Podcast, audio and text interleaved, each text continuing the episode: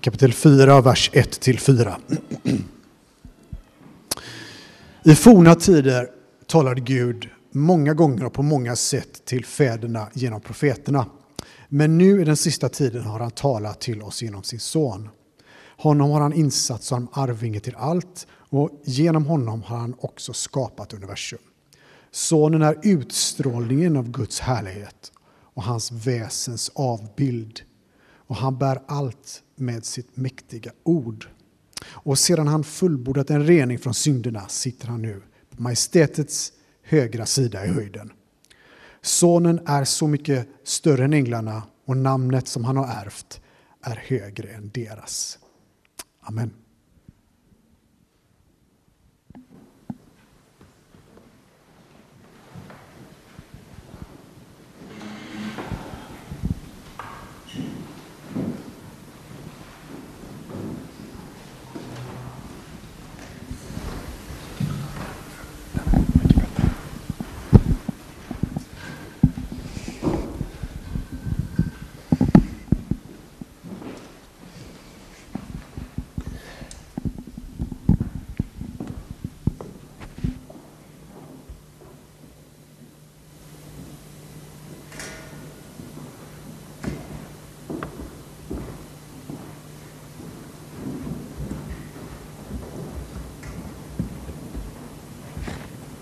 Mycket med det jordiska.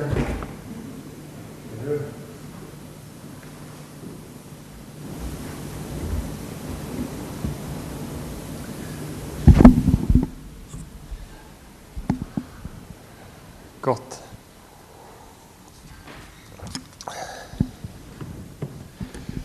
Vilken härlig stund i lovsång och tillbedjan i, i Guds närvaro. Eh, jag kommer från en annan gudstjänst, jag var redan uppvärmd.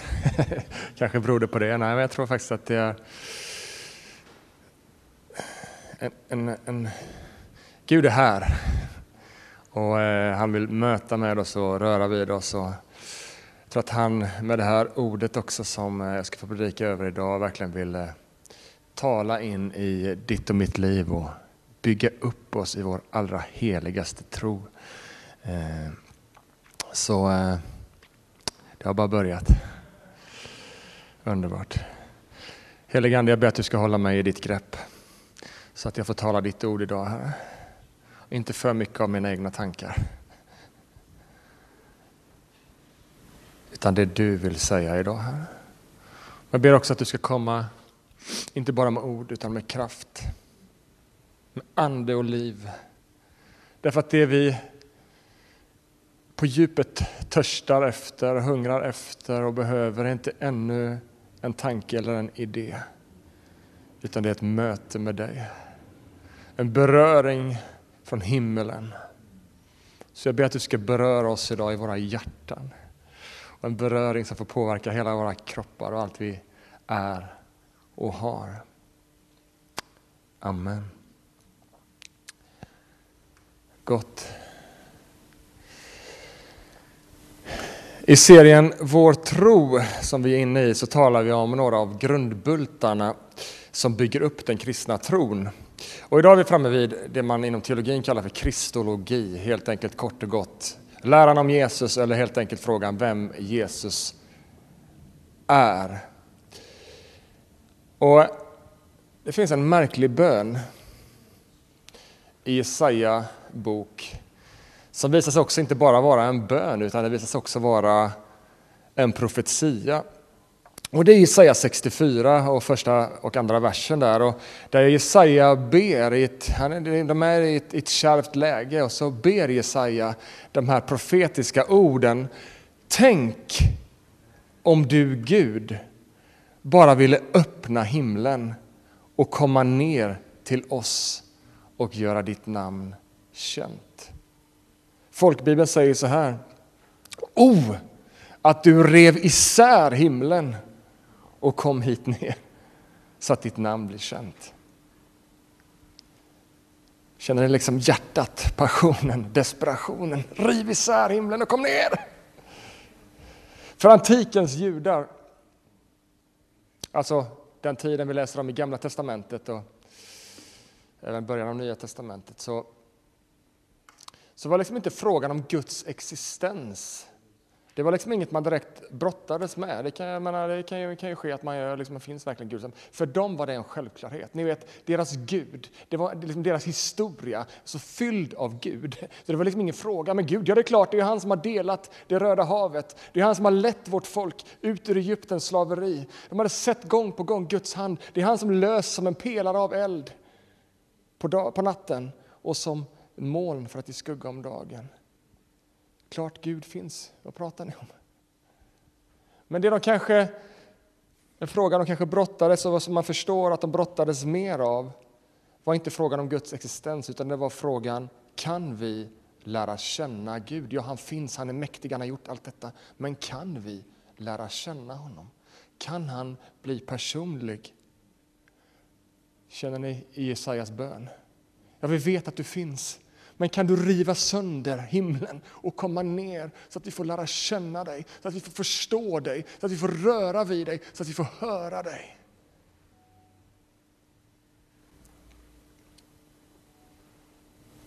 Och i Hebreerbrevet som vi hörde Pierre läsa, var första verserna av Hebreerbrevet, där lär vi känna Jesus. Och vi lär också känna, vi fortsätter att läsa Hebreerbrevet och hela Nya Testamentet, att Jesus är svaret på Jesajas bön. Ett svar som var planerat långt innan Jesaja ens hann formulera bönen.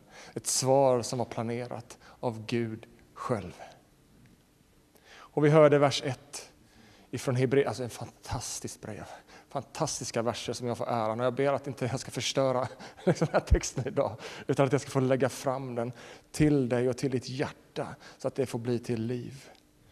I forna tider talade Gud många gånger och på många sätt till fäderna genom profeterna. När, när, när Hebreerbrevets författare ska tala om Jesus så börjar han, ja, eller hon, med att peka bakåt. Genom människans historia så har Gud talat många gånger och på många olika sätt. Och det här många är lite viktigt i sammanhanget. Därför att det säger någonting om Guds hjärta och Guds intention. Att genom historien, alltså ifrån tidens begynnelse, genom människans historia, så har Gud talat många gånger och han har använt hela sin kreativa förmåga för att tala på många olika sätt. Det säger något om Guds hjärta och om Guds intention. Det första vi möter i Hebreerbrevet och i dagens predikotext är en Gud som inte vill vara dold, utan en Gud som vill göra sig själv känd. En Gud som vill relation och närhet. När författaren ska beskriva Jesus, för det är vad hela första kapitlet och hela Hebreerbrevet egentligen gör, en underbar beskrivning av Jesus. När författaren ska göra det så börjar författaren med att lyfta fram Guds längtan, Guds initiativ. Det börjar inte i Jesajas bön, det börjar i Guds längtan, i Guds intention att göra sig själv känd och att nå fram till människan. Ända sedan syndafallet så ville Gud upprätta gemenskap. Men det var inte bara att trycka på ångra-knappen, spola tillbaka bandet lite grann. Gud behövde betala ett mycket långt högre pris än så. Vägen till upprättelse var inte bara så enkel som ett knapptryck. Men Gud, han var inte inne för det enkla. Han var inne för att på riktigt ställa saker till rätta och nå fram igen och nå fram till ditt hjärta. Därför har Gud talat många gånger, på många sätt, genom profeterna. Men det är inte allt. Det slutar inte där.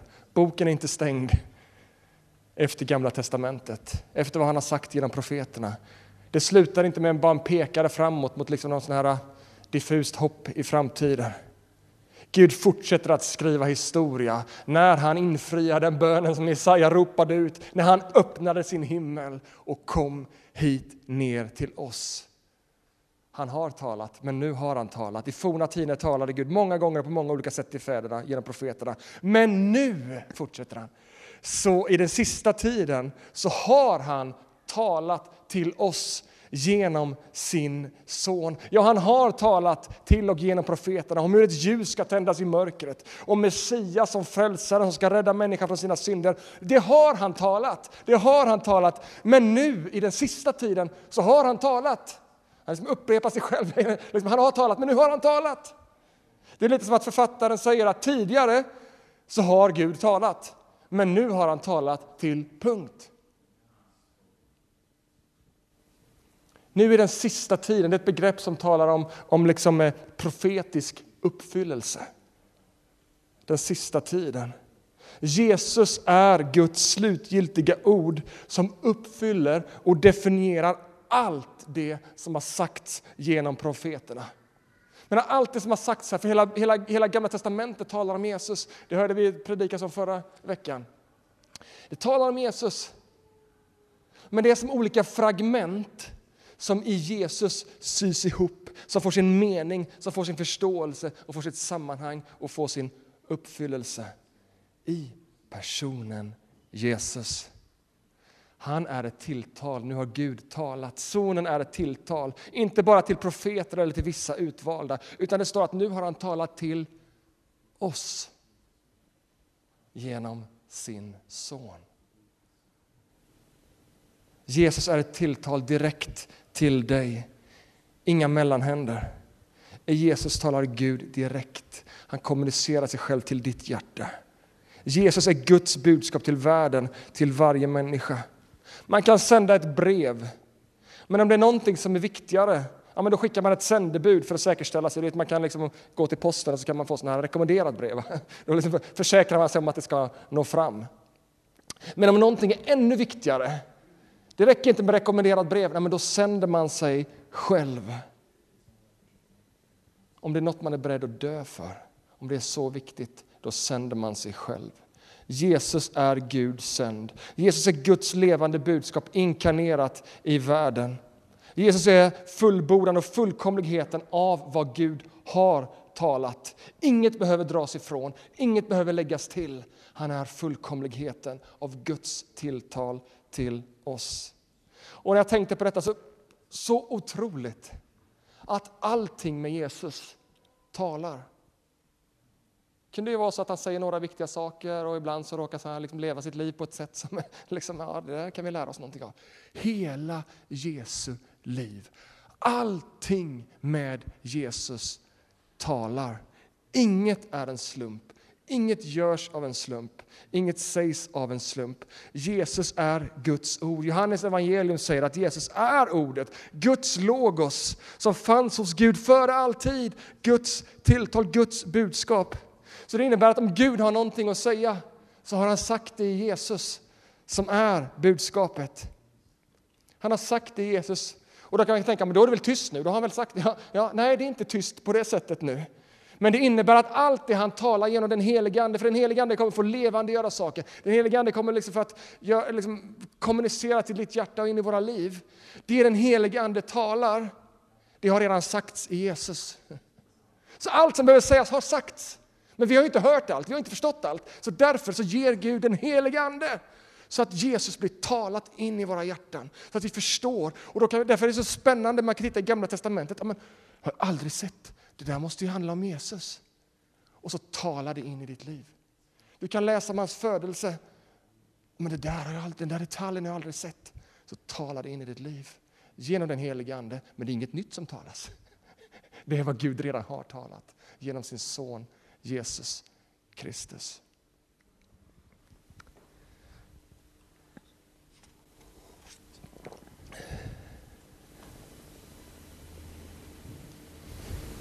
Du kanske undrar,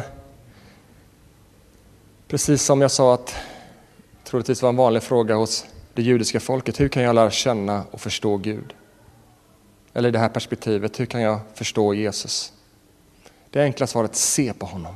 Se på honom, läs om honom och låt den helige Ande få upplysa ditt hjärta med bilden av vem han är. Vill du lära känna Gud, se på Jesus. Och nu ska vi se lite närmre på de här få verserna som utgör dagens text. Det här var en liten introduktion. Jag kände den var passionerad och härlig. Jag tyckte det i alla fall. Tycker kids verkar ha det härligt också. Gott. Och min första punkt är om Jesus är att han uppfyller profetior. I forna tider talade Gud genom profeterna. När Jesus kom, genom sitt liv, sin död, sin uppståndelse och himmelsfärd, så uppfyllde han, och det här liksom det är väldigt svårt för det finns otroligt mycket, och som jag sagt, vi kanske inte har sett allting av liksom, som andas Jesus i Gamla Testamentet, men åtminstone 200-400 klockrena profetier uppfyllde Jesus i sitt liv. Alltså 200-400 profetier, troligtvis mängder med mer som vi en dag ska få se och förstå. Så en enorm mängd med saker som har förutsagts uppfyllde han. Och jag tänker så här, det hade sagt någonting om Jesus om han inte hade uppfyllt någon profetia. ja, då hade det sagt någonting om honom. Då hade det talat. Okej, okay, det här var liksom inte så, så trovärdigt. Det hade också sagt någonting om han hade prickat in en eller två profetier och då hade, det liksom, då hade vi lärt oss någonting av det. Men att han uppfyller så många profetier och att han uppfyller allting som har sagts om honom. Det är inte så att vi hittar någon profetia som liksom är messiansk som, som vi liksom inte, ja men det här, är väl inte, det här uppfyllde han väl inte. Utan han uppfyller allt det som var sagt om honom och det är hur mycket som helst.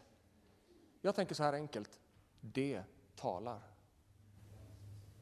Det talar. Det lär oss någonting om Gud och om Jesus Kristus. Att han är uppfyllelsen. Och det intressanta är att det är så många av de här profetierna som var helt utanför hans kontroll. Var han skulle födas till exempel. Och sådana andra saker som inte han överhuvudtaget kunde ha med att göra uppfyller han. Det talar. Och så fortsätter texten med att säga med nästa punkt att han är fullvärdig son, vers 2. Han har talat genom sin son och honom har han insatt som arvinge till allt. Man kan vara arvinge till en del, det är bra. Men om man är arvinge till allt så ärver man allt. Om du ärver från dina föräldrar, ingenting lämnas åt sidan, ingenting hålls undan, du ärver allt. Som arvinge till Gud bekräftas också Jesu natur och gudomlighet. Han är av Gud, han ärver Gud. Ärvt namnet över alla andra namn, står det längre fram i texten att han har gjort. Inget annat namn. Han är den som har ärvt namnet som är över alla andra namn. Han har ärvt all Guds gudomlighet, alla Guds rättigheter och all Guds värdighet, alla resurser, alla anspråk som görs till Gud är sant om Jesus som arvinge. Precis som profeteras i psalm 2, kan vara David eller någon annan. Du är min son, jag har fött dig idag. Be mig så ger jag dig hedna folken till arvedel och hela jorden till egendom. Sonen har ärvt allt. Låt dig inte gå miste om vem Jesus är när du ser barnet i krubban. För där i halm och strå ligger Guds son i makt och ära. Låt dig inte gå miste när du ser det där lilla barnet. Vi har, vi har advent och jul bakom oss. Man kan tänka att det finns liksom, ja, men det är lite gulligt och mysigt. Ja, absolut. Men där i personen Jesus, redan i det lilla barnet, när han växer upp, vad är det vi ser? Guds härlighet, Guds makt och ära. Guds son given till oss för att också vi ska bli söner och döttrar till Gud medarvingar med Jesus så att också vi får ärva gemenskap med Gud och evigt liv. Så mycket som finns i detta. Vilket underbart mysterium. Han uppfyller profetior, han är fullvärdig son. Och sen fortsätter texten med att tala om att han också är skaparen. Och genom honom i vers 2, och genom honom har han också skapat universum. Ordet universum betyder universum, världen, tidsepokerna, alltså allt. Genom honom har han skapat universum. Och Johannes säger i sitt evangelium att allt blev skapat av honom i Johannes 1 och 3. Allt! Och utan honom har ingenting som är till blivit skapat. På samma sätt säger Paulus i Kolosserbrevet 1 och 15 att han är den osynlige Gudens avbild. Alltså fullheten av Gud. Han är den osynlige Gudens avbild, förstfödd före allt skapat. För i honom skapades allt i himlen och på jorden. Allt är skapat genom honom och till honom. Jesus är i sanning annorlunda. Man kan tänka att han var en god man med massa bra saker att säga, ja, ja, ja, men Bibelns anspråk går så långt mycket längre, så mycket djupare. Jesus är inte skapad, han är skaparen. Han är före allting och har skapat allt. Gud Fadern var inte ensam. Treenighetens mysterium var verksamt i skapelsen. Fadern, Sonen och den helige Ande. Hela gudomen var engagerad. Och jag tänker också när vi talar om att han är skaparen. Det han skapade, titta på dig, se dig omkring.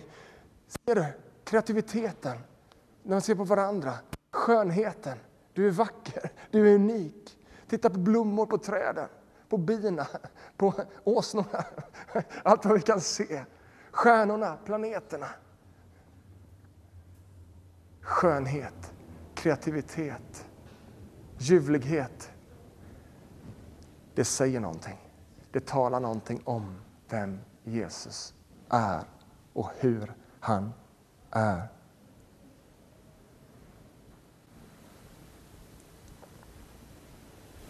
Skapelsen är en kärlekshandling till människan ifrån Gud. Och jag vet att många upplever, man går ut i naturen, så upplever man Guds närvaro. Man kopplar upp mot Gud. Varför? För att han är skaparen.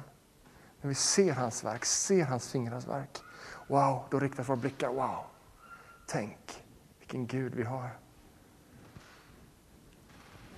Vi hade inte förstått honom om det inte vore för Jesus. Men nu har han gjort sig känd. Texten fortsätter med att säga att han är strålglansen av Guds härlighet, vers 3. Sonen är utstrålningen av Guds härlighet. Och I Matteus 17 så kan vi läsa om när några av Jesu lärjungar får se just detta, lite av Jesu gudomliga natur. Och de fick se det med sina fysiska ögon. Då står att han I Matteus 17 då står det att han förvandlades inför dem och hans ansikte lyste som solen och hans kläder blev vita som ljuset. I personen Jesus Kristus, fullt ut människa, så möter vi också Jesus fullt ut Gud i all den himmelska härligheten. Uppenbarelseboken beskriver hur Johannes i en vision får se Jesus. Han som har sett Jesus under sitt liv, han har sett honom i sin mänsklighet så många gånger. Men nu får han också se honom i sin gudomliga utstrålning. Och det står i Uppenbarelseboken 1 och 14 att hans huvud, alltså Jesu huvud och hår var vitt som ull som snö och hans ögon var som eldslågor. Det är våran Jesus.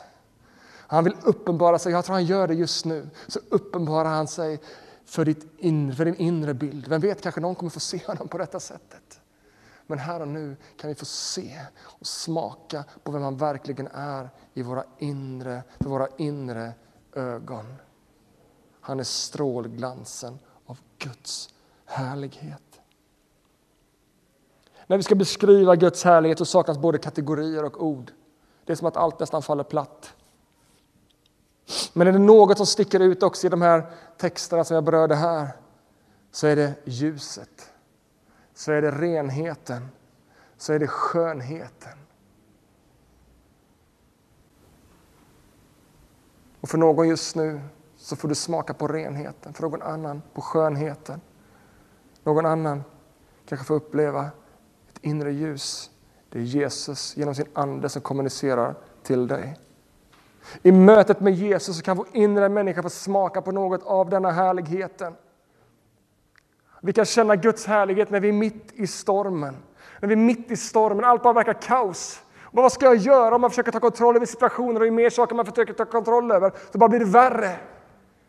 Så bara får man tanken att viska namnet Jesus. Och Det är som att mitt i stormen så kan vi få en frid som övergår allt förstånd. Vi kan få möta hans härlighet när vi går fram till nattvardsbordet Och så bara ser man, här är vi så olika, vad har vi egentligen gemensamt? Och så får man bara se, vi har Jesus gemensamt och vi får smaka på lite av den härligheten som kommer ifrån honom. Vi kan få se det när vi ber om syndernas förlåtelse och det där som har skavt så mycket, skulden och bördan som vi alla bär på, får rinna av och vi får frid med Gud. Vad är det du får för någonting? Jo, du får smaka på renheten och skönheten som kommer från honom. Vi kan se det i ögonen på någon som vänder sina steg och tagit emot nattvarden och vi ser en frid och ett ljus i personens ögon. Det är Herrens härlighet vi ser. Vi kan se det i ögonen på dem som i mötet med Jesus har fått sin värdighet tillbaka. Och det är en av de största förmånen som pastor, att få möta många människor i samtal och få höra människors berättelser. Det finns inget vackrare än att se in i ögonen på någon som har fått sin värdighet tillbaka. Den värdighet som livets kaos och som synden kanske har stulit ifrån människor, den ger Herren tillbaka. Vad är det vi ser i den människans liv? Det är Herrens härlighet. Vi kan se Guds härlighet i blicken från de barnen som fått sin mamma eller pappa tillbaka när de i mötet med Jesus har fått kraft att lämna missbruk och beroende bakom sig. Vi kan se Guds härlighet mitt i vardagen genom små, små handlingar av självuppoffrande kärlek eller när någon bär någon annans bördor. Enkla små handlingar. Men vad är det vi ser? Det är Herren själv som verkar i och genom sin församling. Ursäkta att jag blev lite berörd.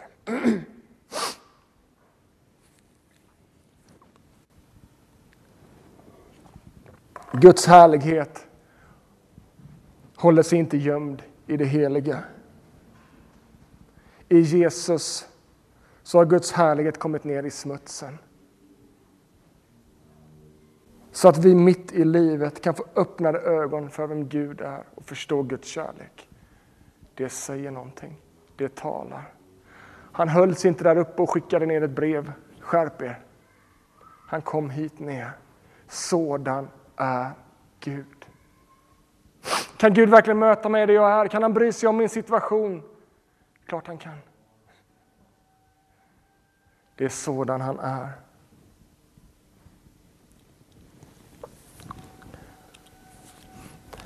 Och ändå är allt det vi får uppleva bara en försmak på den dag när vi ska få se honom i fullhet, ansikte mot ansikte.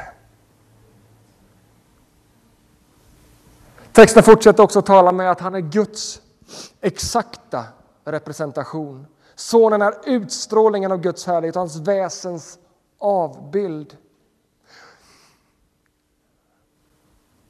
Han är Guds exakta representation. Jag brukar säga så här att det spelar ingen roll hur fantastisk Gud är och hur god han än är om man inte är det för mig. Om man inte är det för dig. Han kan sitta där uppe och vara hur fantastisk som helst. Men det är först när vi får möta honom som han är. Om han inte är tillgänglig för mig, då spelar det ingen roll. Om han inte är uppenbarad för mig.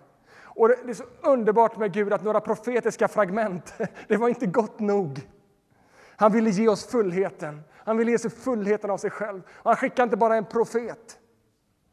Han skickar sig själv i sin son. Han visste att en Gud på avstånd, en okänd Gud, är inte mycket till hjälp. Men en Gud som kommer nära. Så han skickar den exakta representationen. Han låter sig föras in i världen som sin son. Hans väsens avbild. Innebörden av det är Guds exakta representation. Alltså, I språket, Guds fullkomliga avtryck, inte liksom en kopia, utan Gud själv. Alltså den sonen är, den är Gud och den Gud är, den är sonen.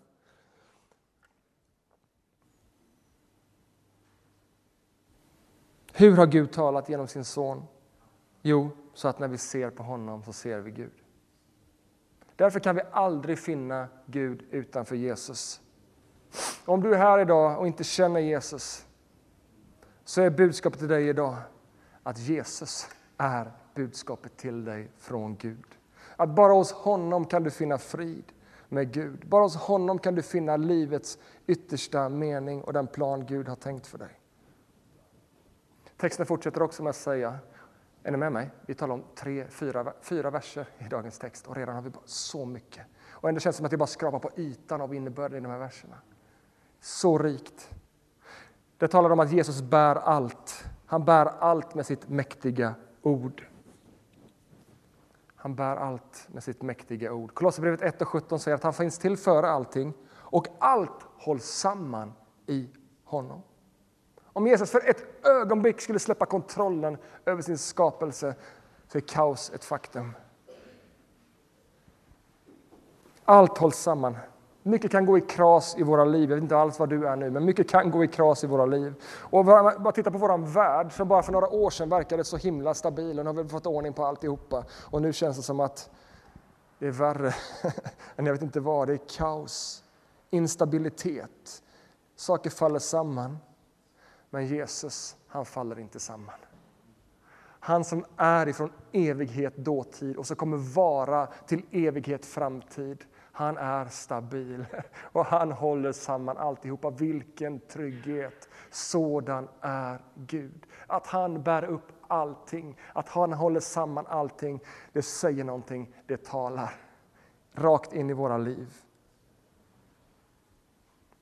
Hans löften håller. Han är värd att bygga sitt liv på, oavsett vad som händer i världen omkring oss. Till sist så säger texten att han har fullbordat vår frälsning. Och sedan han fullbordat en rening från synderna sitter han nu på majestätets högra sida i höjden. Kommer ni ihåg Jesajas ord ifrån inledningen? O, att du rev isär himlen och kom hit ner så att ditt namn blir känt. Vet du vad? Det var inte himlen som var i vägen. Det var inte himlen som behövde rivas sönder. Paulus skriver i Kolosserbrevet 2.14 att han förlät, alltså Jesus förlät oss alla våra överträdelser och drog ett streck. Han rev sönder det skuldebrev som med dess föreskrifter anklagade oss. Det tog han bort och spikade upp på sitt kors. Halleluja! Jesus rev sönder all den skuld som hindrade oss från att ta emot Jesu kärlek, som hindrade oss från att lära känna honom. Det har han tagit hand om. Han har rivit sönder och spikat upp det på korset. Vad är det som hindrar oss från att uppleva Jesu kärlek? Ofta är det skuld. Har du skuld i ditt liv? Bär du på skuld i ditt liv? Jesus vill lyfta skulden av från dina axlar.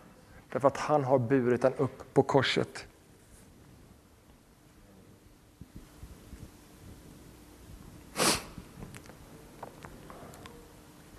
Det är detta som Gud talade när han talade till punkt.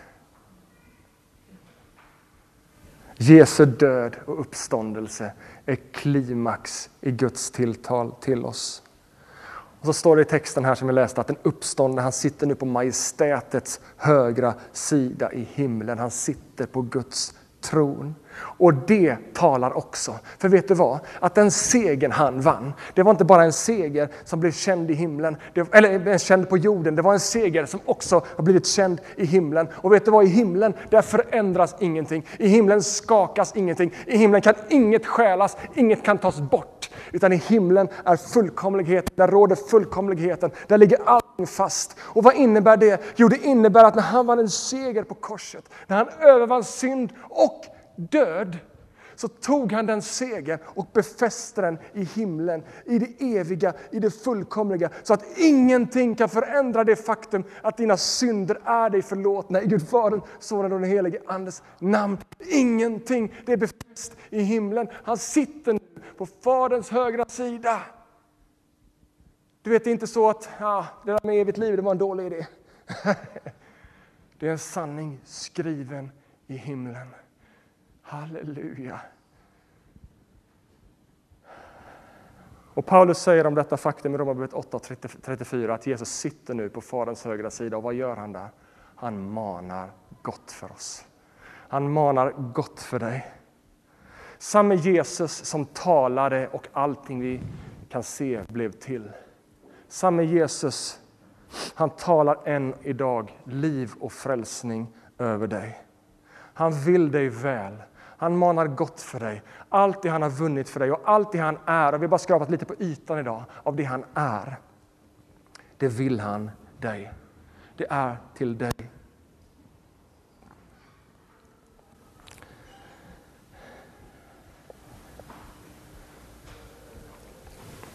Min bön är att det här inte bara ska vara ord idag. Teorier. Ja, men det låter bra. Tänk vad bra. Det här är egentligen ganska långt ifrån teorier. Det här är levande verklighet. Guds levande ord talat in i världen, talat ut över våra liv, in i våra liv. Genom Jesus Kristus har Gud gjort sig känd för dig. Ta emot vem han är. Ta emot vad han har talat. Ta emot det, för han har talat det till dig. Amen. Herre, jag ber att ditt ord ska få beröra där det behöver beröra. Jag ber att ditt ord ska skapa liv där det behöver skapa liv.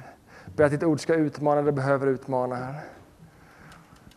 Jag ber framförallt att vi skulle få verkligen få dröja kvar en stund nu, Herre, och se dig som du är. Resten av det här mötet, men att det inte bara blir det här mötet, resten av våra liv. Får vi bara fortsätta upptäcka vem du är, hur god du är och hur väl du vill oss. Amen.